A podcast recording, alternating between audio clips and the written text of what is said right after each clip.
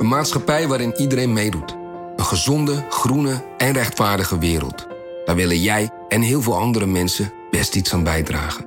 In het klein en in het groot. Dicht bij huis en ver weg. Zo hebben we vorig jaar 349 miljoen euro bij elkaar gebracht. Miljoenen waarmee onze goede doelenpartners de wereld elke dag een beetje beter kunnen maken.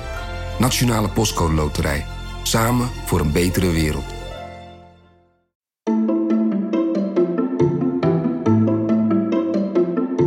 Welkom. Wij zijn Onbehaarde Apen. Dit is een podcast van NRC over wetenschap. Hey, Lucas hier. Nog één keertje wil ik jullie lastigvallen over de live opname die we gaan doen in Theater Kikker in Utrecht op 6 mei. Het gaat heel erg hard met de kaarten. Er zijn er nog een paar, maar je moet er wel snel bij zijn inmiddels. Dus als je bij een live uitzending van Onbehaarde Apen wil zijn, ga dan naar nrc.nl slash theaterkikker en bestel daar je kaartjes. Tot dan.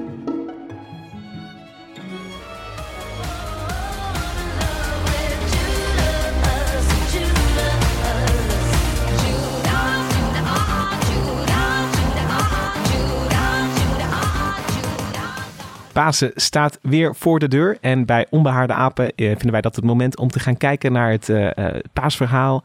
Wat vieren we eigenlijk ook alweer? En ja, hoe zat het met Jezus en vooral Judas? Misschien wel de meest intrigerende figuur uit de Bijbel. Pasen, de opstanding van Christus, eh, is het traditioneel verhaal. Maar wat eraan vooraf gaat, is waar het echt interessant en spannend wordt. Het verraad. Judas, een kus, een handvol zilverlingen en een gruwelijke kruisiging. Hoe zat dat ook alweer? Nou, om dat vandaag te bespreken zit aan tafel Gemma Venhuizen. Hoi, ja, ehm, ik heb alleen maar een katholieke basisschoolopleiding gehad en verder eh, ben ik het een beetje weer verleerd. Dus Alle Judas tri- trivia gaan niet van jou komen deze aflevering. nee, maar van degene naast mij. En dat is Hendrik Spiering. Hallo, gediplomeerd medievist. En eh, daarmee eh, in dan, kom je, dan kom je Kom je altijd christendom op iedere straathoek tegen. Ja, we gaan het vandaag hebben over eh, Judas. En over eh, zijn rol in het, eh, in het hele verhaal eh, rond eh, Jezus. Eh, we hebben dit, eh, dit, dit is de goede week. eh, de week voor Pasen. En dan eh, hebben we net zondag hebben we de intocht van Jezus in Jeruzalem gehad. Palmpasen? Palmpasen. Dat, was is de- afgelopen zondag. Dan wordt hij eh, eh, toegejuicht als een koning. Iedereen kon zien hoe hij eruit zag. Kennelijk vonden de Romeinen en de, de tempelautoriteiten het niet zo'n goed idee als, dat, als die beweging verder ging. Dus wat, je dan, wat ze bij Johannes de Doper, de leermeester van eh, Jezus, eigenlijk ook hebben gedaan. Je hebt dan een beweging die heel gevaarlijk is. Nou, dan neem je de leider eruit. En Johannes de Doper werd onthoofd. Dan is volkomen onduidelijk wat daarna gebeurt. Er zijn allerlei theorieën over. Maar het einde van het liedje is dat hij eh, op donderdag het laatste avondmaal heeft. En dan ergens verscholen in een hoekje. Niemand weet waar hij is. En dan eh, vrijdagochtend wordt hij gearresteerd. Of die nacht wordt hij gearresteerd. En dan wordt hij gekruisigd. En dat noemen we nu Goede Vrijdag, wat ik altijd een beetje hypocriet vind. Nou, het- kijk, het, het offer wordt in het christendom goed genoemd in de theologie. En dat het natuurlijk dat is de verlossing van de mensheid een heel ingewikkeld verhaal. Ook nog maar de vraag of dat toen ook zo werd gezien. Om het paasverhaal nog heel even af te maken, wat je net zo mooi begon, Hendrik. Ehm, vrijdag de kruisiging, zaterdag de- denk ik dan eh, de bijzetting en, en de begrafenis. Nee, dat is dezelfde dag. Oh, dat is dezelfde dag. Dat gebeurt allemaal dag. op vrijdag. En dan krijgen En we op zondag de wederopstanding. Ja, en op zaterdag eh, gaat hij naar de hel. Zo wordt er verteld. Maar dat is natuurlijk een verhaal. Ja, en wat wij in deze aflevering gaan doen is onder andere kijken naar Judas als historische figuur. Om, eh, want want nou ja, je hebt net het verhaal in het kort geschetst en daar heeft hij een heel belangrijke rol in. Ja, maar ik moet nog even vertellen, want Judas eh, is dan de verrader. Die heeft Jezus verraden aan de tempelautoriteiten en de Romeinen. En ja, je, de, de vraag is ook altijd, waarom moest hij eigenlijk verraden worden? Dat is een vraag die hangt nog helemaal erboven. Want ja, ik bedoel, iedereen wist eh, eh, wie die was. Maar kennelijk had hij zich verstopt. Waarom, waarom ik er eh, dit- dit bijna vergat te vertellen is omdat Judas en verraad zo synoniem aan elkaar is bijna. En dat hoorden we ook in het beginfragment.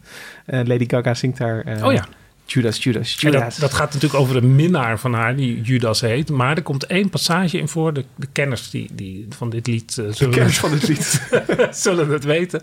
Dat ze dan met haar. eh, De dan, Gaga eh, Watchers. Dan, dan, dan, dan vertelt ze dat ze met haar haren zijn voeten zal wassen. En dat is typisch een nieuw-testamentisch verhaal. Want er komt een scène in voor dat. Eh, bij Johannes, dat eh, eh, iemand die, die, die, een vrouw die, die, die wast de voeten van Jezus met volgens mij een speciale olie. En dan droogt ze die voeten af met haar haren. En dat zingt Lady Gaga dus ook. Dus er zit een bijbelse verwijzing. Een bijbelse verwijzing in een eh, moderne eh, tekst. Nou goed, dus um, nou, zoals ik al zei, we gaan even kijken naar Judas als, als historische figuur. Uh, wat we ook nog gaan verkennen is, nou ja, er, is in die eerste eeuwen na, in het, van het vroege christendom, wordt de rol van Judas eigenlijk voortdurend ja, tegen het licht gehouden en opnieuw geïnterpreteerd. Dat gaan we, daar gaan we ook even bij stilstaan. En tot slot gaan we kijken naar eigenlijk wat dit ook was. Dit lied van Lady Gaga naar de manieren waarop Judas moderne kunst en verhalen heeft geïnspireerd. Heb ik ja. het al goed samengevat? Ja, dat ja. klopt wel, ja. Nou, de, de route is uitgezet. Laten we beginnen. We gaan van, van start. En dan beginnen we weer eventjes om even de toon te zetten... met een fragment uit zo'n hervertelling van het Jezusverhaal. Jesus Christ Superstar. control it like he did before. And furthermore, I know that Jesus thinks so too. Jesus wouldn't mind that I was here with you. I have not thought at all about my own reward. Really didn't come here of my own accord. Just don't say I'm dead for a time. Ja, we horen hier al heel veel over de interne bespiegelingen van, van Judas en zijn interne worsteling. Maar Hendrik, wat kunnen we nou met zekerheid zeggen over Judas, wie hij was, wat hij deed ja, en waarom? En, en, wat zijn band met Jezus was. Want hij zegt in het fragment wel van, nou, ik heb het gezien. Hè? Jezus die houdt het niet meer in de hand. Maar waren ze beste vrienden? Ik bedoel, wat... Uh... Nou, er is... Er is um, uh, Judas is eigenlijk altijd de tragische figuur. En dit is Jesus Christ Superstar van uh, Lloyd... Andrew Lloyd Webber. Andrew Lloyd Webber en Tim Rice. En... Um, die, in de jaren zestig zie je ook heel veel. Uh, er is ook een lied van uh, Bob Dylan waar Judas in voorkomt. En iedereen is gefascineerd door ja, die worsteling ja, met uh, verraad en, en uit liefde. Waarom deed Judas het? En als je nu kijkt naar wat er over Judas bekend is, dat zijn een aantal passages in het Nieuwe Testament. En de meeste mensen weten wel dat het Nieuwe Testament bestaat uit vier evangeliën. Dus, het Nieuwe Testament behandelt alles na de dood van Jezus? Of? Nee, het Nieuwe Testament is het, het, het, verhaal, van, Jezus. ja. en, en er zitten nog allemaal brieven bij van uh, Paulus en andere volgelingen van Jezus. Maar het historische stuk bestaat uit vier evangeliën en handelingen. Handelingen gaat dan over wat er gebeurt met, uh, met de volgelingen van Jezus na de dood en de opstanding. En het idee over die vier evangelieën is dat die uh, nou ja, in de tientallen jaren na de dood van Jezus zijn geschreven door volgelingen. Ja, je moet eigenlijk het christendom, we komen zo op Judas, maar nu even de, de basis van het christendom. Uh, Jezus is uh, geboren rond het jaar nul en sterft rond het jaar 30. Uh, in tegenstelling tot wat heel veel mensen denken, is er, zijn er maar weinig mensen uit de eerste eeuw na Christus waarvan zoveel bekend is als Jezus. Het is nooit genoeg natuurlijk, omdat het uh, stichter van, uh, van de, de grote religie. Ja, de grootste godsdienst ter wereld is. De grootste in omvang. En, maar goed, dan zijn de eerste bronnen zijn de brieven van Paulus, rond het jaar 50. Het gaat eigenlijk alleen maar over de opstanding en, en het theologische belang van die, uh, van die redding door, door, door, door die opstanding. En dan komen er, dus 30 is de dood en dan komt er zo 65, 70 na Christus. Dus 40 jaar later komt het eerste evangelie, Marcus. Dat is ook het eenvoudigste evangelie in feite. Daar wordt Jezus afgebeeld eigenlijk als een wonderdoener, een rondtrekkende wonderdoener. En de prediking is helemaal niet erg uitgewerkt. Bekeert u, dat is eigenlijk de kern. En dan wordt bijvoorbeeld nog heel erg verteld dat hij een leerling was van Johannes de Doper. Dat wordt in latere evangelies een beetje verdoezeld.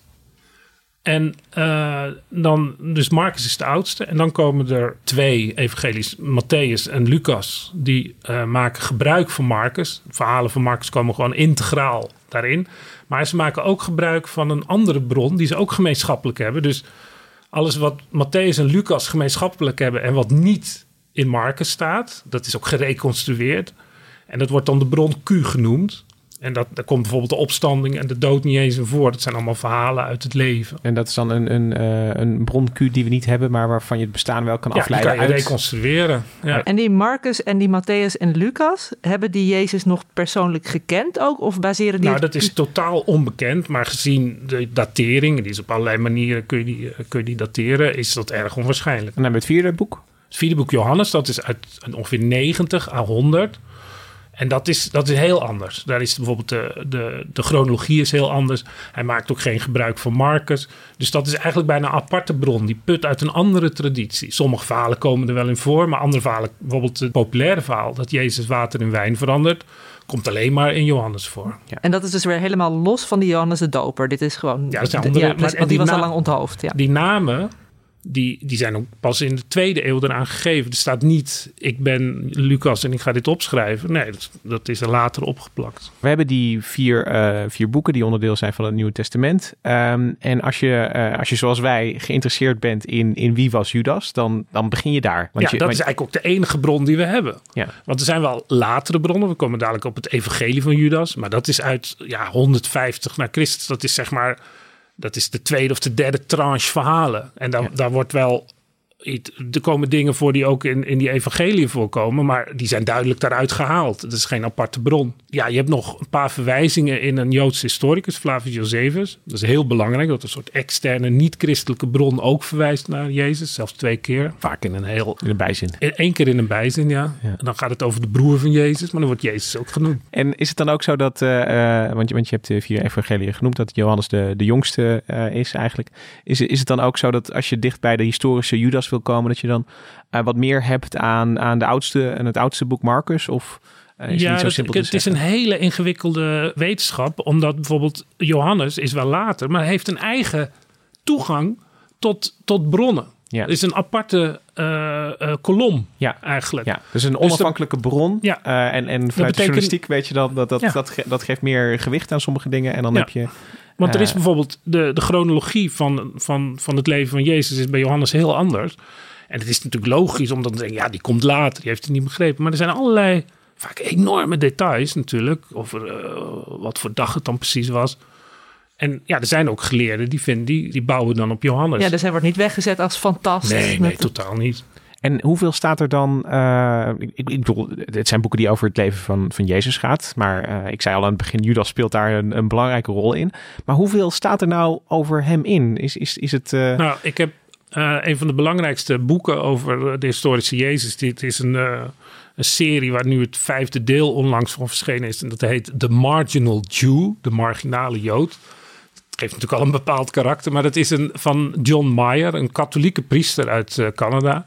Maar dat is echt, ja, dat is een man die gewoon consequent alle bronnen nakijkt en alle, de, de- wat er allemaal over geschreven is. En dan ja, het, het kaf van het koor scheidt, om het eh, bijbels te zeggen. en de marginal Jew bedoelt hij daar. Jezus mee. Nee, Jezus. dat, is mee. dat gaat allemaal over Jezus. Maar daar komt Judas natuurlijk ook Ja. in voor.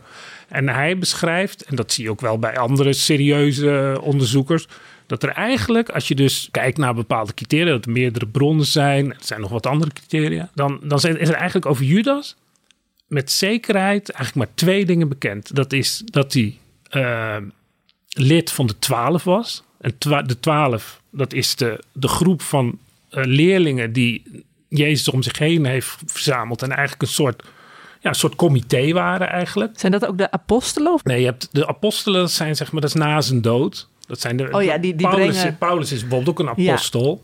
Maar die heeft nooit een leerling van Jezus En dit waren de discipelen dan? Ja, de discipelen, Ja. maar dan... Een soort de, raad van commissarissen van Raad Jezus. van commissarissen. En dat, dat zijn natuurlijk de twaalf stammen van het Joodse volk. En dat past ook heel erg in de apocalyptische prediking van Jezus, die, die eigenlijk, eh, wat voor zover we kunnen reconstrueren natuurlijk, eh, rondtrok en eh, wonderen deed en predikte dat het einde der tijden kwam. Wat eigenlijk een soort vernieuwingstijd was. Hoeft niet gelijk. eh, nu denk je gelijk aan de atoombom natuurlijk. Maar dat was meer. Dan komt God. Die, er wordt alles goed. En dan zouden die twaalf zouden dan ook gaan heersen. En jij zegt, Judas was een van die twaalf. Een van die twaalf. Dat kunnen we met zekerheid En is zeggen. dat ook in al die evangeliën? Ja, die dat- zijn, daar zijn ze het Dat over komt- eens. ja. En eh, het interessante van die twaalf is bijvoorbeeld dat dat in die, in die eh, bronnen, in, in die verschillende evangelieën erg benadrukt wordt. Maar het gekke is dat als je naar de geschiedenis kijkt, ook naar handelingen die dan veel verder doorlopen, dan komt die twaalf spelen eigenlijk helemaal geen rol meer. Alleen direct na de opstanding hebben die twaalf een, belangrijke rol met Pinksteren. En, dan- ja, dan verdwijnt het gewoon. Waarschijnlijk trokken ze gewoon overal heen en misschien ging er een dood. Maar het comité valt uiteen en dan komen de nieuwe machthebbers binnen het christendom. De broer van Christus, Jacobus. Paulus wordt natuurlijk belangrijk en zo zijn er nog wel een paar. Petrus als leider van de twaalf. Dus, dus de, de twaalf vallen een beetje uit elkaar als... dus het is een beetje als een, een, een band zonder frontman. Nou, maar dat is dus ook een belangrijk argument waarom het, waarom het waarschijnlijk waar is. Omdat er later tijd niemand meer belang heeft om die twaalf veel echt te benadrukken. Om die in die bronnen te schrijven. Hoe, bedoel- hoe bedoel je dat, dat het een argument is dat het waar is? Want Nee, maar je ziet bijvoorbeeld, daar komen we dadelijk op, dat in de oudste verhalen dat verraad van Judas niet enorm benadrukt wordt. Maar in, bijvoorbeeld in Johannes, die de laatste is, wordt het heel erg expliciet gemaakt. En dan op Matthäus gaat er al verder in dan, dan Marcus. Omdat het verhaal wordt gewoon verfijnd en steeds beter verteld. Er Dus is geen enkel motief om in 90 na Christus nog die 12 uit Dus zijn het zou te veel te halen. ingewikkeld zijn om het te verzinnen. Ik bedoel, Ja. als je het zou bedenken, dan zou je wel gewoon de drie of de vijf eh je hebt bedenken. Maar goed, dat is dus het ene. ene. En dan, dat ze dus lid is van die twaalf, van dat niet triviale comité van eh, leerlingen. Want er is nog een, er heel veel losse leerlingen. De twaalf, dat zijn de leiders. Die maken dan ook vaak ruzie wie de basis is. ik aan je lippen voor de tweede, Hendrik. Ja. en de tweede is dat hij Jezus verraden heeft. Dat is natuurlijk het. Dat komt overal voor. En dat is, dat is ook iets wat je niet verzint. Want je wil. De kruisiging wordt ook onder historici gezien als een historisch. eh, want dat verzin je niet. Je gaat niet een leider van een godsdienst bedenken achteraf. En dan denk je, ja, dan laten we hem kruisigen. De, de ernstigste misdaaddood die er bestaat. Want, want het was nogal wat, toch? Kruisigen, dat werd echt voor het, het, het, eh, eh, Ja, het grootste school. Ja, de Romeinse burgers mochten niet gekruisigd worden. De, een, een bekend kruisigingsverhaal, om het zo te zeggen, is de opstand van Spartacus. Die is neergeslagen in, wat was het, 60 voor Christus of zo. En toen de hele Via Appia werd eh, om de vijf meter stond een kruis met zo'n opstandeling. Om Ja. het af te leren, zeg maar. En jij zegt, dit ga je niet bedenken voor een held als Jezus. Zeg maar, als je het allemaal zelf in de hand zou hebben, dan zou je hem wel een waardige dood geven. Of een, eh, Ja, of je zou hem gewoon, eh, zoals er ook allerlei andere verhalen zijn, eh, dan sla je die kruising over, laat je hem zo naar de hemel gaan natuurlijk. maar dat heet- laat wel weer zijn opofferingsgezindheid zien. Een soort Ja, natuurlijk. martelaar. maar, maar, maar zo wordt het... eh, Dat dat, heet het embarrassment criterium. Het, het, het, ja, hoe zou je het vertalen? Embarrassment, schaamte, eh, ongemakkelijk. Het is een ongemakkelijk feit. Dat Ja. je een... een, een eh, het- is ook wat Paulus zegt. Het is de, de Joden een gruwel en de Grieken een dwaasheid. Het is een, Wat, heb je je aan... even, Wat heb, even eh, nou, dat- nou, dus eh, dat, dat schrijft Paulus dan over de kruisiging. Ja. Dat ja, iedereen denkt, wat is dat voor waanzin om Ja. een gekruisigde Messias? Een Messias moet, moet leider van een land zijn, moet, moet, moet een god op aarde. En het is dan eigenlijk een beetje gekruisigd. gênant dat hij gekruisigd Ja, werd. ja, dat ja. is precies wat ik bedoel. Het is niet de gedroomde... Het is eh, niet je gedroomde verhaal En- als Nee. je een god hebt. Mag nog even over dat verraad? Hè? Eh, Wat heeft hij nou precies verraden? De, de verblijfplaats van Jezus op dat moment? Zodat de Romeinen hem konden... Ja, kunnen we daar iets over zeggen? Want, want jij zegt van... eh, nou, dat hij is is een hele interessante twaalf kwestie. en hij heeft Jezus verraden. Maar kunnen we, kunnen we echt niet, niets meer zeggen over de aard van het verraad? Of, Nou, ik, ik loop zo nog even door die Bijbelteksten. Er zitten wel leuke details in. Maar grofweg kan je zeggen, ja, waarom zou die eigenlijk verraden moeten worden? Want het, het, kennelijk had hij zich verstopt. Dat is dan de conclusie.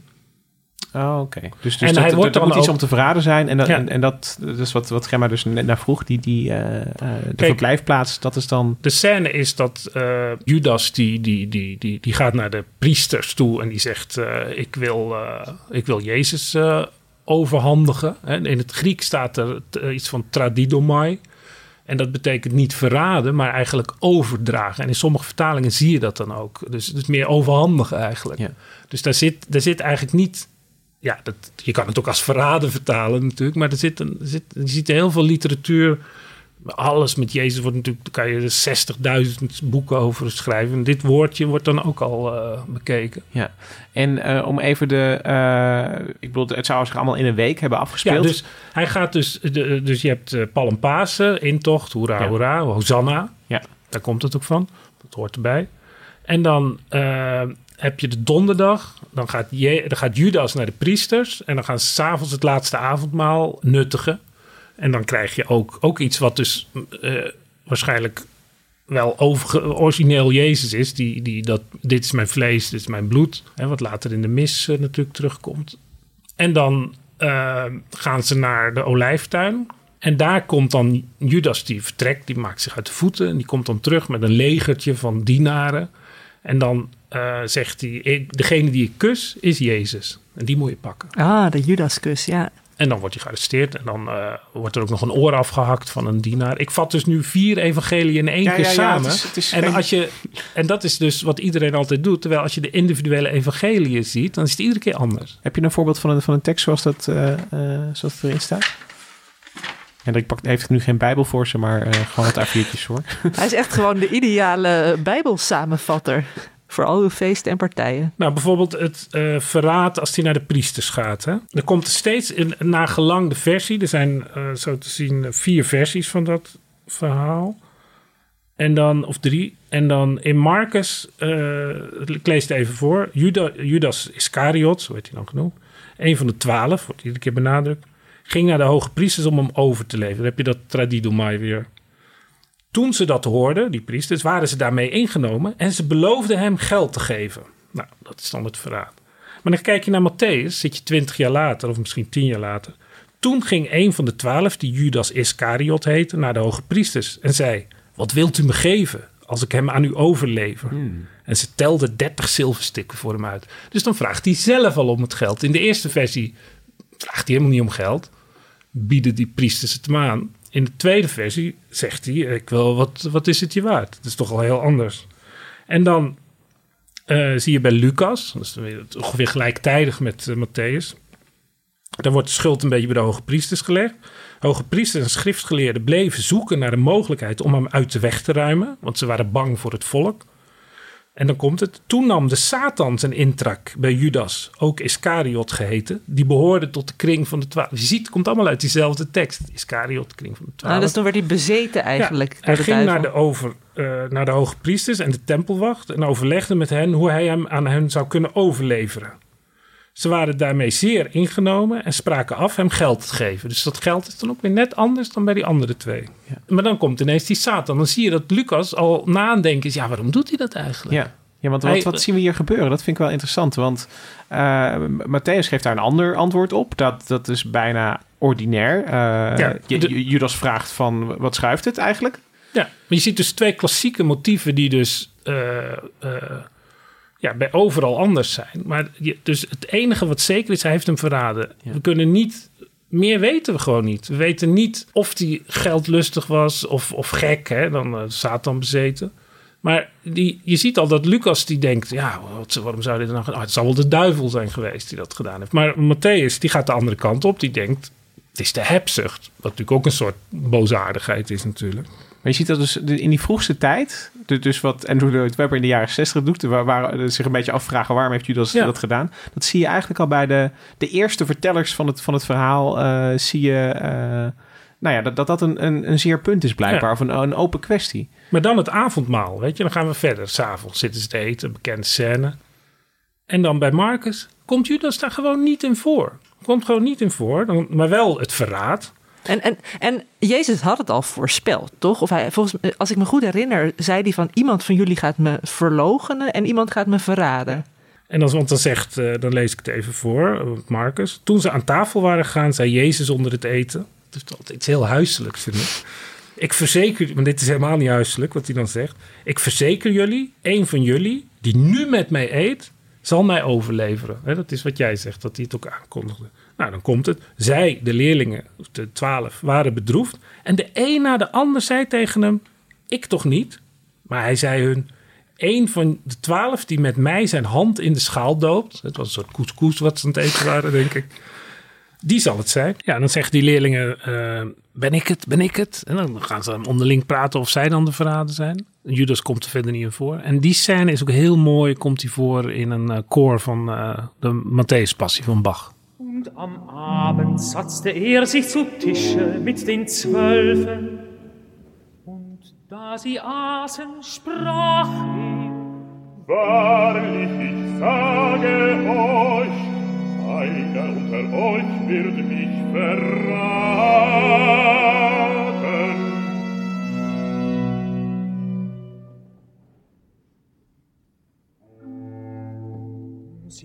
Wurden sehr betrübt und hoben an, ein jeglicher unter ihnen, und sagten zu ihm,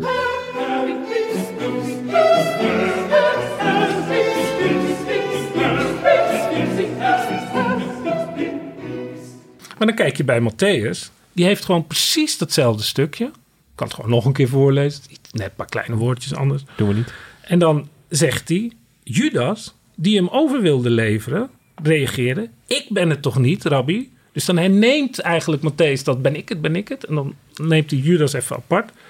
En dan zegt Jezus tegen Judas: Jij hebt het gezegd. En bij Lucas komt volgens mij ook geen Judas voor. Dat is ook heel huiselijk.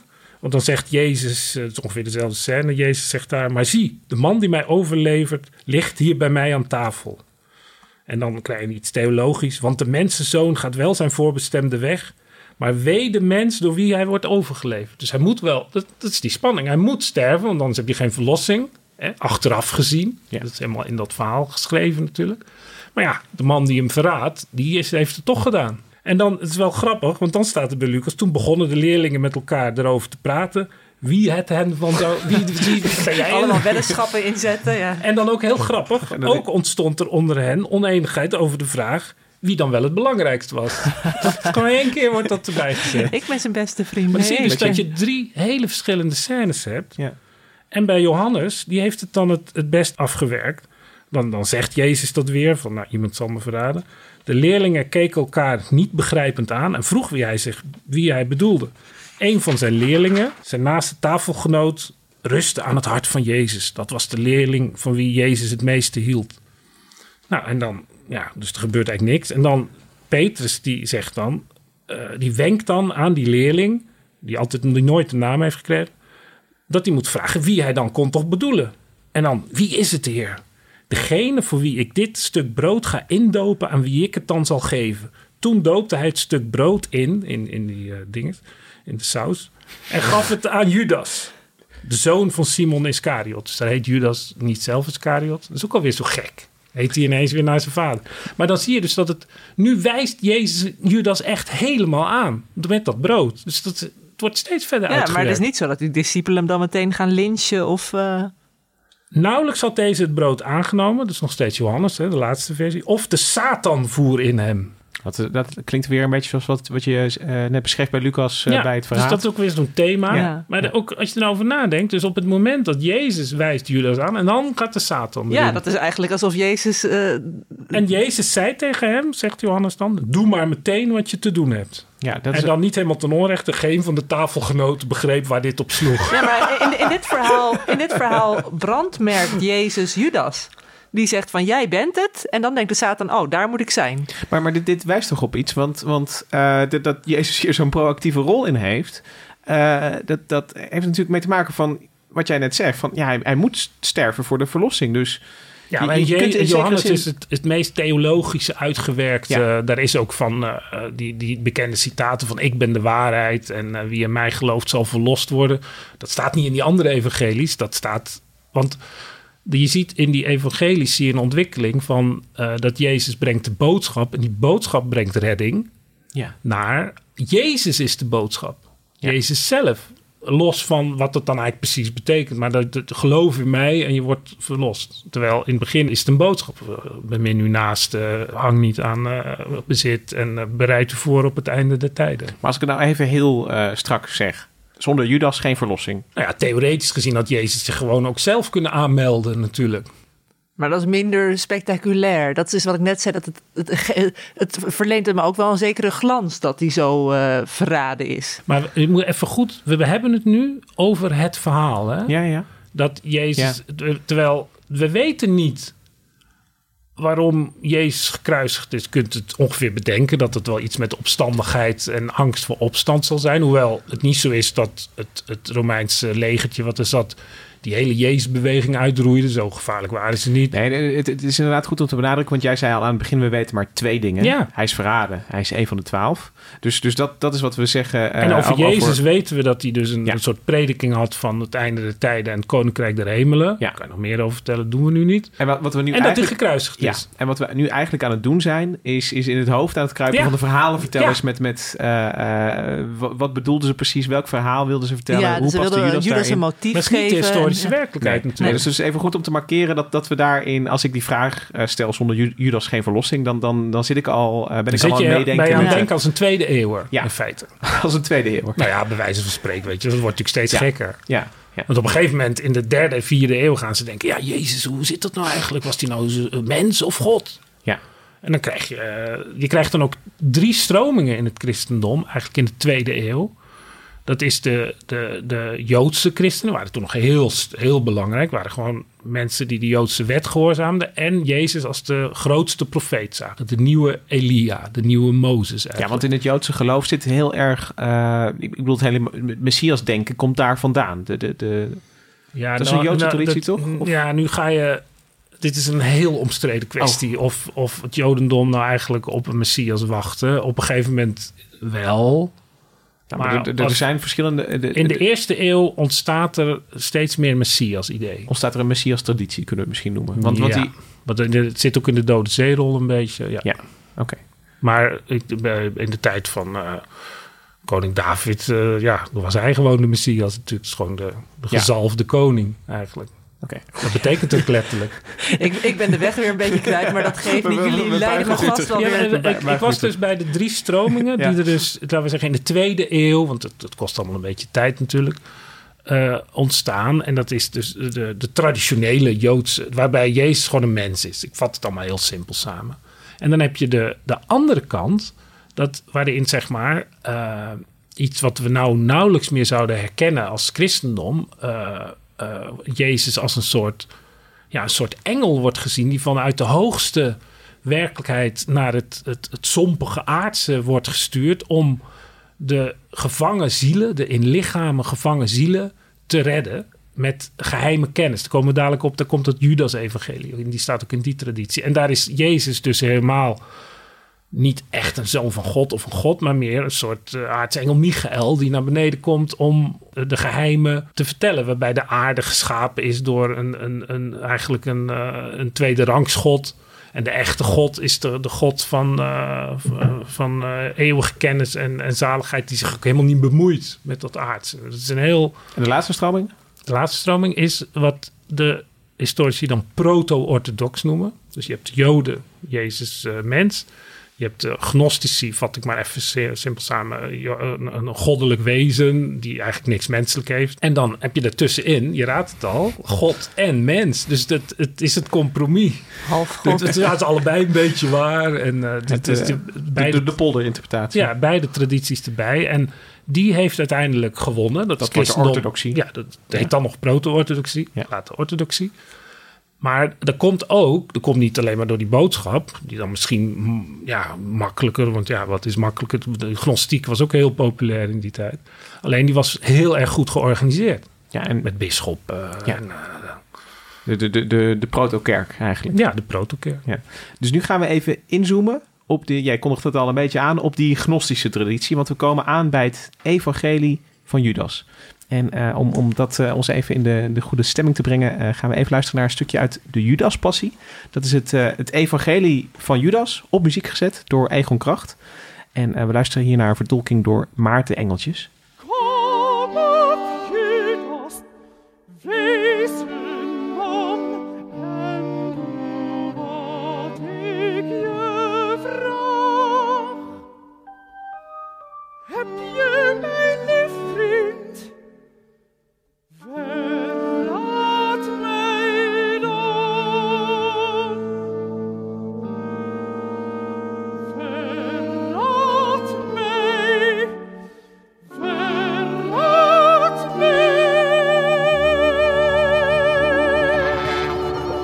We luisteren hier naar een, een fragment uit een, een Judaspassie. En ik denk dat de meeste mensen uh, de Matthäuspassie wel kennen van, van Bach. En die, die wordt dan uh, overal uitgevoerd en dan gaan mensen heen. Maar wat is dan een Judaspassie precies? Nou, je kan, je kan alle namen erop plakken. Uh, Matthäus, of Bach heeft ook een Johannes-passie en een Marcus-passie. En dit is dan de Judaspassie.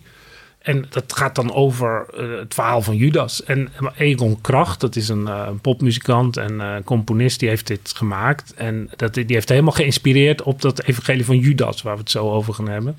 Maar er is bijvoorbeeld ook Heske Maurits, een, een, meisje van 17, heel muzikaal. Die heeft een paar weken geleden of een maand geleden ook een Judas-passie laten uitvoeren. Dat heeft ze helemaal zelf gecomponeerd. Eh, en dat is weer gebaseerd op het boek van eh, Amos Os. Wat ook Judas heet. En dat, omdat natuurlijk iedereen kent de Matthäus-passie, dan noem je dat ook de, de Judas-passie. Dat klinkt natuurlijk goed. Ja, dat klinkt zeker goed. En, Maar het is ehm, niet zo dat Judas dan gekruisigd wordt. Nee, maar je zegt net wel van het is eh, gebaseerd op het evangelie van Judas. Nou, Ja. dat, dat klinkt als, eh, als je naïef bent, dan denk je van eh, Judas heeft ook iets achtergelaten. En heeft Nou, ook dat, zo... ben ik, dat was precies mijn interpretatie. Dus Ja, dat, maar ik vertelde net al iets over die, naïviteit, ja. Die drie stromingen. En je ziet dan ook steeds meer ruzies eh, tussen de proto-orthodoxie en de gnostiek. Want, want even, het evangelie van Judas, dat is een tekst. Is een tekst, die is in 2006 gevonden, maar die was al aangekondigd in een bron uit eh, 180 na Christus. Dan is er een, Het heeft lang is er een kerkvader en die, eh die Irenaeus, en die beschrijft dan in een van de stuk dat er, eh, eh, dat gaat dan over ketters, waar helemaal niks in ziet. En dan zegt hij, ja, ze zijn zo erg, die, die vereren dan Kain en de Sodomieten en Cora, dus de zoon van Esau en Esau. Dat zijn allemaal de vijanden in de Bijbel eigenlijk. En die, die worden allemaal vereerd. En ze, ze, zo ver gaan ze dat Judas, de verrader, de, die had eigenlijk, was eigenlijk de ware leerling van Jezus. En die kreeg allemaal geheime kennis. En daar hebben ze zelfs een, eh, een, een, een geschiedenis van geschreven die ze het evangelie van Judas noemen. De, de, de, de rotzakken, zei hij. Zei Ja, de rotzakken. Ja. Moet je nou toch eens kijken. Wat ze doen. En dus even, 180 na Christus. dus even samengevat, de, de, het evangelie van Judas is een 2006 ontdekte tekst uit de tweede eeuw. Ja, het is een van die fantastische verhalen. We hebben heel veel van die oude teksten in de 20e eeuw teruggevonden. Je hebt de Dode Zeerol, dat is ook een heel verhaal. In eh, 1945 geloof ik, of iets later. En dan heb je nog de Hak, Hak, Nag Hammadi, Hammadi eh, teksten. Dat komt uit de woestijn van Egypte. Dat zijn alle die gnostische teksten. Die zijn ook, die zijn volgens mij in 1945 gevonden. Heel verhaal, allemaal stoere dingen. Maar Ehm, dus die komen dan uit pot en eh, allemaal handel en verraad en eh, ook eh, moord is er zelfs gepleegd. En nu was het zo dat er altijd al een verhaal was van ja, er is ook nog een evangelie van Judas. Wisten ze, er was, er was nog een geheime tekst die nog ergens was. En nu blijkt dat in 19, dan moet ik even kijken, in 1978 volgens mij. Ja, in 1978 was ze in de Egyptische woestijn ergens, was gevonden. Dan vind je zo'n... Een potje? Een, een pot met een manuscript erin. eh, super oud, dat, dat, eh, dat herken je natuurlijk wel. Geschreven op, op perkament, leer, wat, wat, wat is het dan precies? Papyrus, denk ik. Papyrus. Met een leren omslag. Dat is toen verkocht aan een eh, handelaar in Cairo. Aan Hanna heet die man. Dat is zijn achternaam. En ook weer, het verhaal begint dat er dan vervolgens wordt ingebroken bij hem. Weg. Alles gestolen. Ook allerlei beeldjes. eh hij handelt natuurlijk in van alles. Het zit hem niet lekker. En dan via allerlei bronnen, want dat, die hele wereld kent elkaar. Vindt hij het in 1982, krijgt hij terug. Hoe dat dan precies terug is gegaan, dat is niet helemaal duidelijk. Dan 1983 gaat hij naar Zwitserland. Dan zijn er een aantal grote geleerden die daar van die koptisch, dat koptisch kunnen lezen, een bekende bijbelgeleerde ook, die kunnen dan een uur daarnaar kijken. En die mogen dan namens Yale University 50.000 dollar bieden. Nou, de lab vindt hij veel te weinig. Hij wil een miljoen.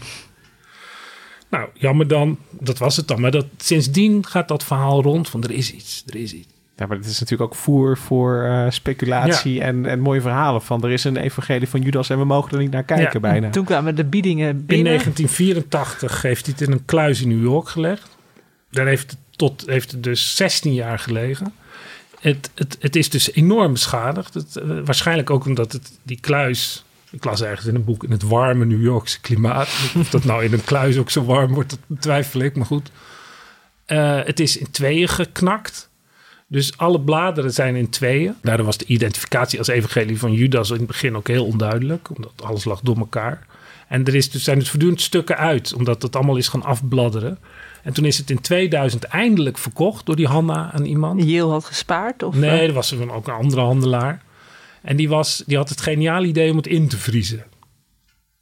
God mag weten waarom. Waardoor ik zou alle, zeggen dat het een, een, een stom idee. ja, Ja. ja. stom. Dan kwam alle inkt kwam los en het werd helemaal donker. Dus het was echt verschrikkelijk.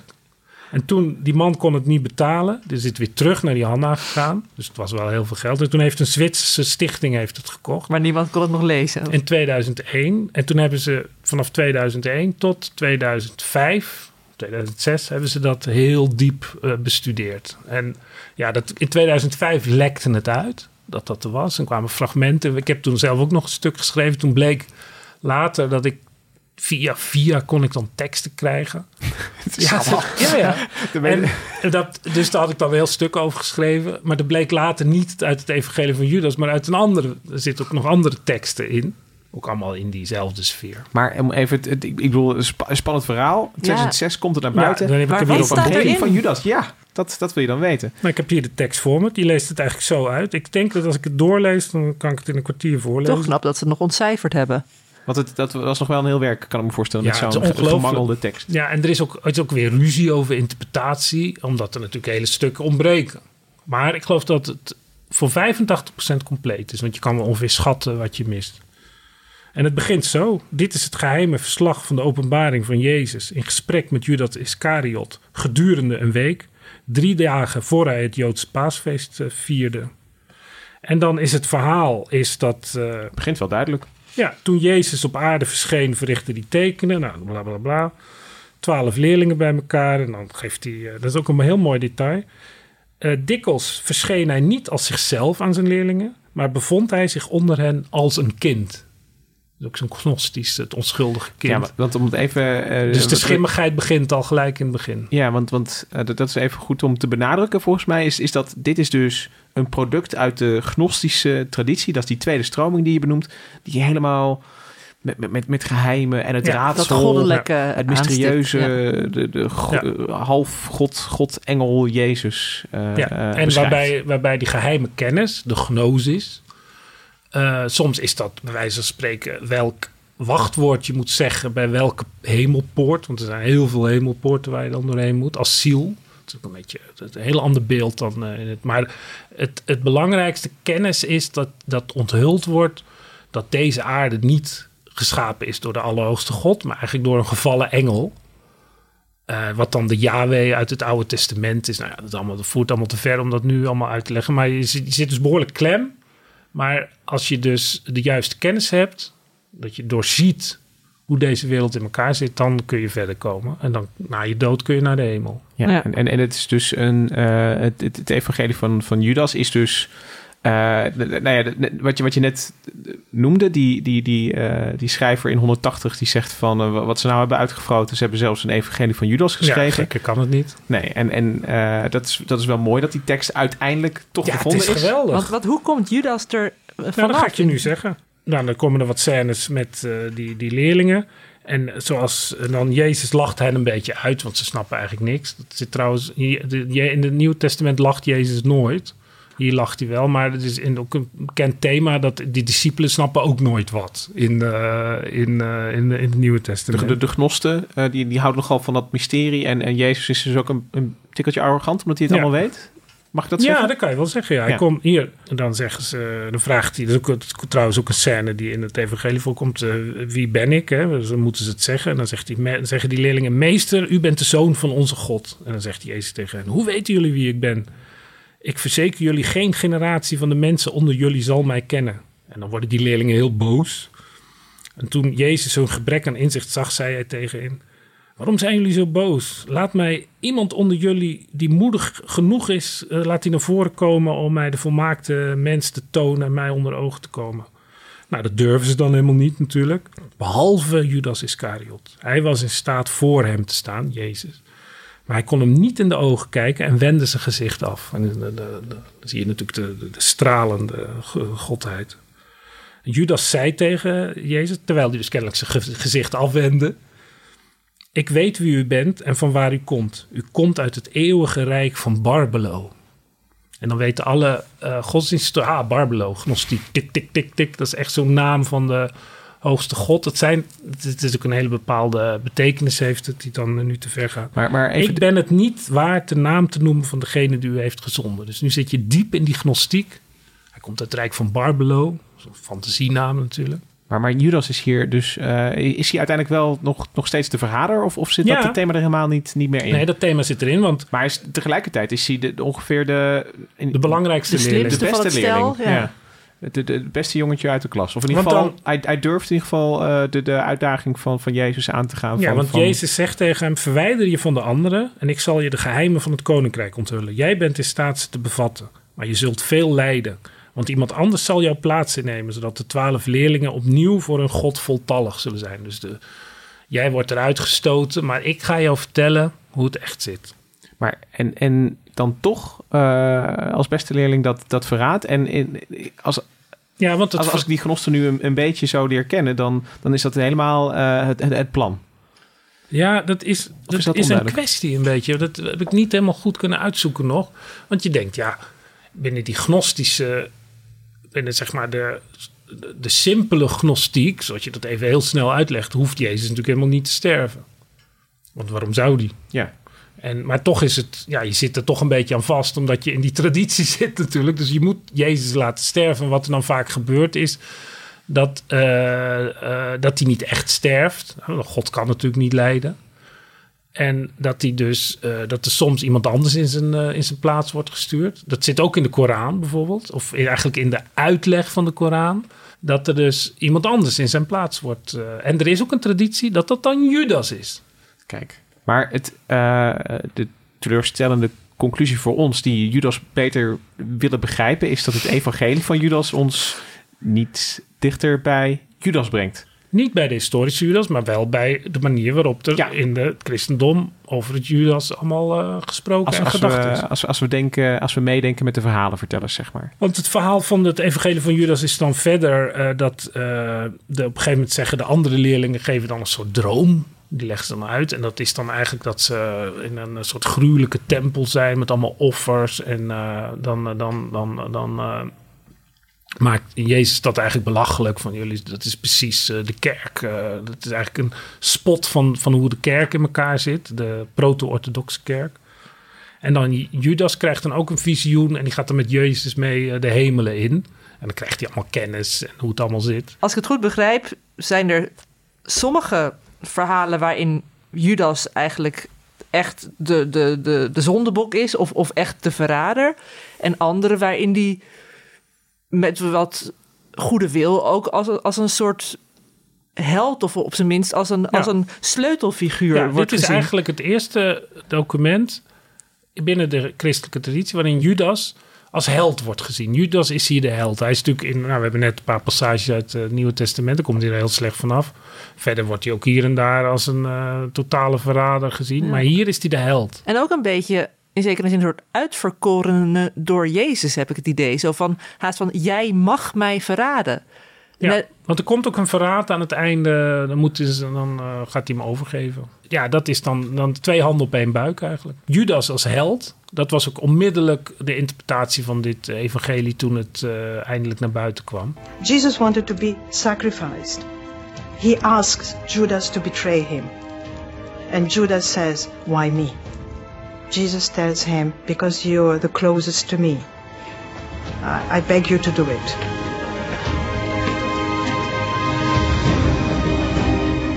He understands what's happening. He's helping Jesus. He knows that because of what he has to do, he's going to be hated forever. Gelijk bijbelse muziek. Ja, ja, maar... Ja. Mag ik zeggen waar dit me aan doet denken? Ja, ja, ja natuurlijk. Nee, ik kan je niet tegenhouden nee, zo, zo zit je te wiebelen op je stoel. Ja, weet je waar dit me heel erg aan doet denken? Aan Harry Potter. En aan uh, Dumbledore, Pergamentus. Ja, ja nu, nu, nu snap ik het allemaal ja, weer. Dat is echte religies. Maar het is wel een spoiler. Hebben jullie Harry Potter gelezen allebei? Ja, ja en, okay. gelezen, gekeken. Oh, nou, ik heb zelfs nou, al uh, uh, wie, wie luistert en niet het wil weten, die moet nu zijn oren even dicht houden. Maar daar gaat Dumbledore, Pergamentus, die gaat dood. En um, dat wordt door Snape gedaan. En Hij iedereen... wordt vermoord. Ja, maar achteraf, als Snape doodgaat, helemaal in het laatste boek, dan kunnen ze zijn gedachten aftappen. En dan zien Harry en zijn vrienden dat het de opdracht van Dumbledore was om hem te vermoorden. Zeg maar, als Dumbledore de Jezus was, die zei tegen Snape van...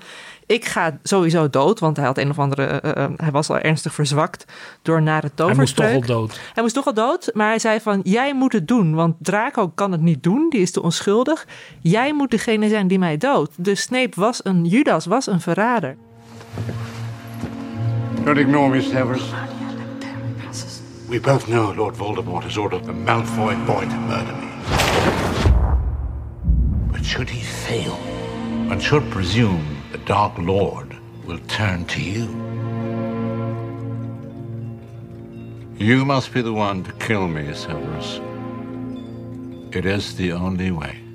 Ja, maar het verschil is dat de motieven van Snape zijn heel duidelijk. Want Snape moest dat doen om gezag te hebben bij de kwaaie krachten. Omdat hij de moord... Niemand vertrouwde hem, maar omdat hij Dumbledore had vermoord... werd hij vertrouwd. Ja, dat is waar. Dus ja. hoe zouden we dat in Judas kunnen passen? Even Maar denken. J.K. Rowling staat dus in de gnostische traditie. Nou nee, want Dumbledore was geen schim. Maar er zijn wel wat mysterieuze figuren in dat boek. Maar, Maar ja, ik denk dat er over 100 jaar een nieuwe versie van Harry Potter komt.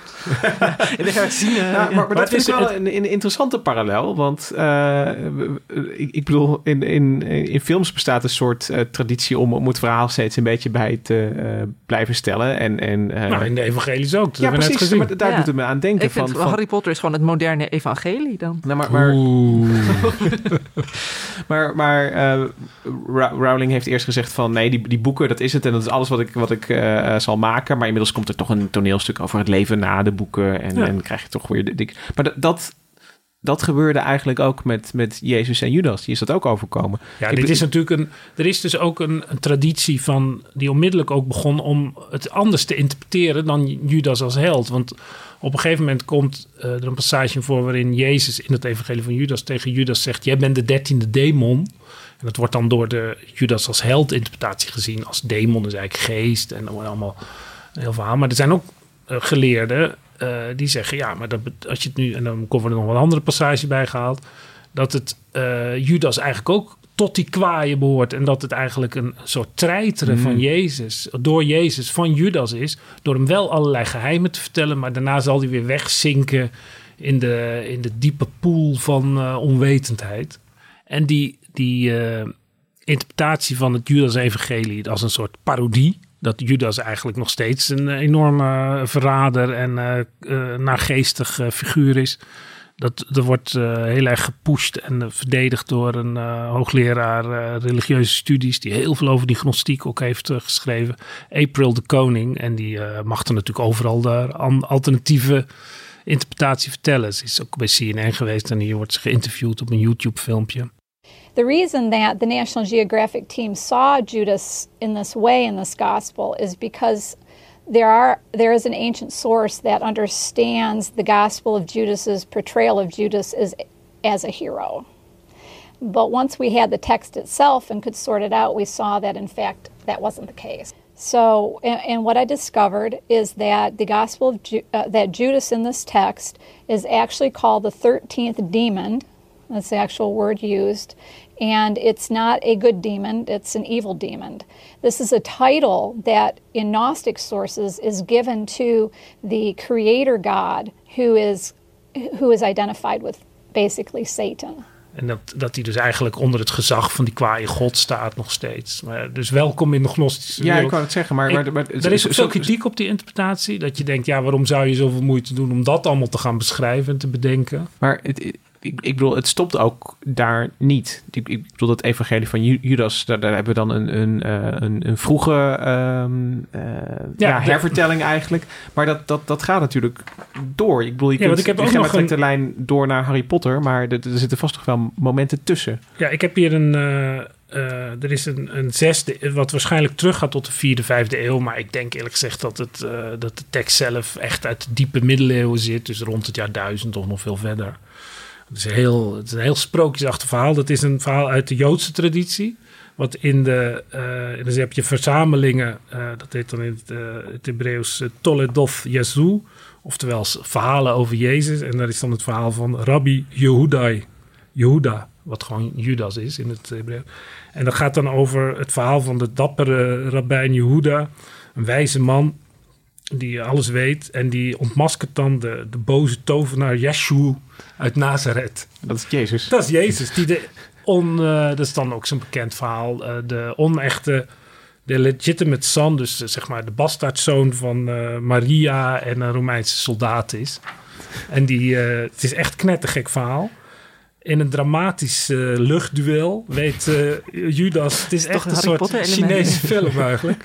Weet eh Jehuda de vliegende Yeshua naar beneden te schieten door eh, zijn sperma op hem te morsen. Waardoor alle toven... Dan ben je natuurlijk totaal onrein. Hè? Dus Yeshua werd in één op onrein. En daardoor kon hij niet meer toveren. Dan viel hij als een bom naar beneden. En toen konden ze hem pakken. En dan hebben ze hem ook... eh, vermoord en eh, ja, het is een heel verhaal uh, Maar, hoe maar, het dan dit, verder dit is. Judas als superheld. Verhaal. Judas als superheld. en Nou, ook eh, dat, eh, Erotische superheld, hè.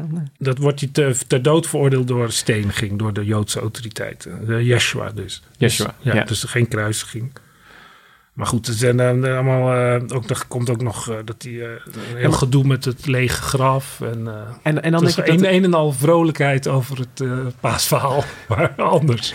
dat deze verhalen over Judas gaan, dat zegt volgens mij wel iets. Namelijk, omdat dat ook de reden waarom wij nu de- deze podcast over maken, is dat het toch de, de, de- bijna de intrigerendste Ja, het figuur schuurt is. natuurlijk enorm. Ja. Het schuurt natuurlijk enorm. En ik, ik bedoel, van de, van, van de elf andere leerlingen, dat, is, Nee. er, is er niet zo'n... Ja, Petrus. Ja. Petrus is ook een, ook een, een, een, intrigerende figuur die ook Jezus eh, drie keer... eh, Die doen we volgend jaar. Maar dat, dat er gekke verhalen zijn over de, de- Judas die, die Jezus uit de lucht schiet met, met, met zaad. Dat, dat, dat is toch. eh, ik bedoel, dat, dat, Ja, maar dat, is toch om- omdat de mensen nieuwsgierig naar hem blijven. De slechterik spreekt tot de verbeelding. ja, maar niet, niet zo. Niet Ja, omdat maar hij- wat zijn zijn motieven? Waarom, dat Ja. is hier ook hij is niet zo theologisch. duidelijk de Waarom vind ik. heeft Jezus, die dan in de traditie als alwetende, natuurlijk een filiaal van de alwetende God is eigenlijk, heeft hij een leerling aangenomen en in, zich, in zijn gemeenschap opgenomen die hem verraadt? Wat, dit is toch moeilijk voor te stellen? Ja, als je alles zou, zou weten, als je al, al wetend bent, dan. eh, ja, maar dat- in de, volgens de, daar hadden de, in de middeleeuwen was dat, dat wordt dan als een teken gezien natuurlijk. Als een, eh, dan ga je er een diepere betekenis achter zoeken en dan kom je er wel weer uit. Maar het is natuurlijk een, een, een, een gek iets. Want waarom, heeft, waarom was Judas eerst leerling en heeft hem daarna verraden? Misschien hoopte Jezus dat hij hem alsnog op het goede pad kon brengen. Ja, dat zou kunnen, ja. Maar eh, kun je stellen dat we blijven worstelen met Judas eigenlijk als, als eh, figuur? Van, van, ik, ik- we komen er niet uit. Ik bedoel, wat- we weten maar twee dingen, weet ik nu, over Judas. Ja. En, en de rest kunnen we invullen. En dat blijven we ook doen. Laten al die verhalen zien. Ik ga een balletje ja. opgooien tijdens de paasbrunch, denk ik. Leuk Ja. gespreksonderwerp. Dat is goed. Dus eh, als je uh, disgenoten wil imponeren, dan kun je misschien nog een Joods verhaal uit de middeleeuwen vertellen over Je- Jedua en eh, Yeshua in een magisch luchtduel. Gaan we nu paaseitjes eten? Ja, we gaan nu paaseitjes eten. Eh, vrolijk Pasen, iedereen. Wij zijn er volgende week weer met een, met een nieuwe aflevering. Vergeet je niet te abonneren op onze podcast, op onze nieuwsbrief. Uh, Micha Melita, bedankt voor de productie. En tot volgende week. Vrolijk Pasen.